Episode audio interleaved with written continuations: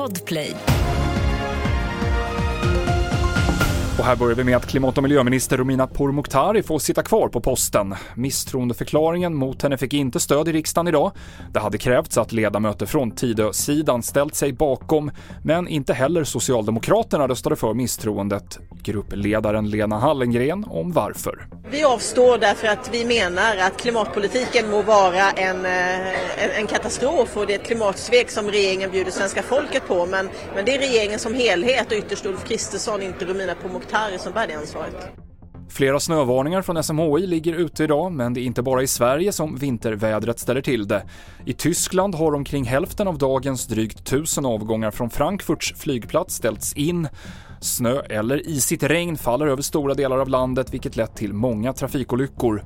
Även i Belgien så vräker snön ner med stoppade flyg och flera inställda tåg i främst de södra och östra delarna som följd. Och förra året var det fler viltolyckor i Sverige än något tidigare år. Närmare 70 000 rapporterades in, visar siffror från Nationella viltolycksrådet. Vid sju av tio olyckor är det rådjur som blivit påkörda. Näst vanligast är älg följt av vildsvin. TV4-nyheterna med Mikael Klintevall.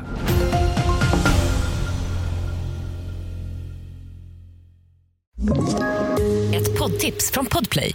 I podden Något Kaiko garanterar östgötarna Brutti och jag, Davva, dig en stor dos skratt. Där följer jag pladask för köttätandet igen. Man är lite som en jävla vampyr. Man har fått lite blodsmak och då måste man ha mer. Udda spaningar, fängslande anekdoter och en och annan arg rant. Jag måste ha mitt kaffe på morgonen för annars är jag ingen trevlig människa. Då är du ingen trevlig människa, punkt. Något Kaiko, hör du på Podplay. Därför är gardinerna.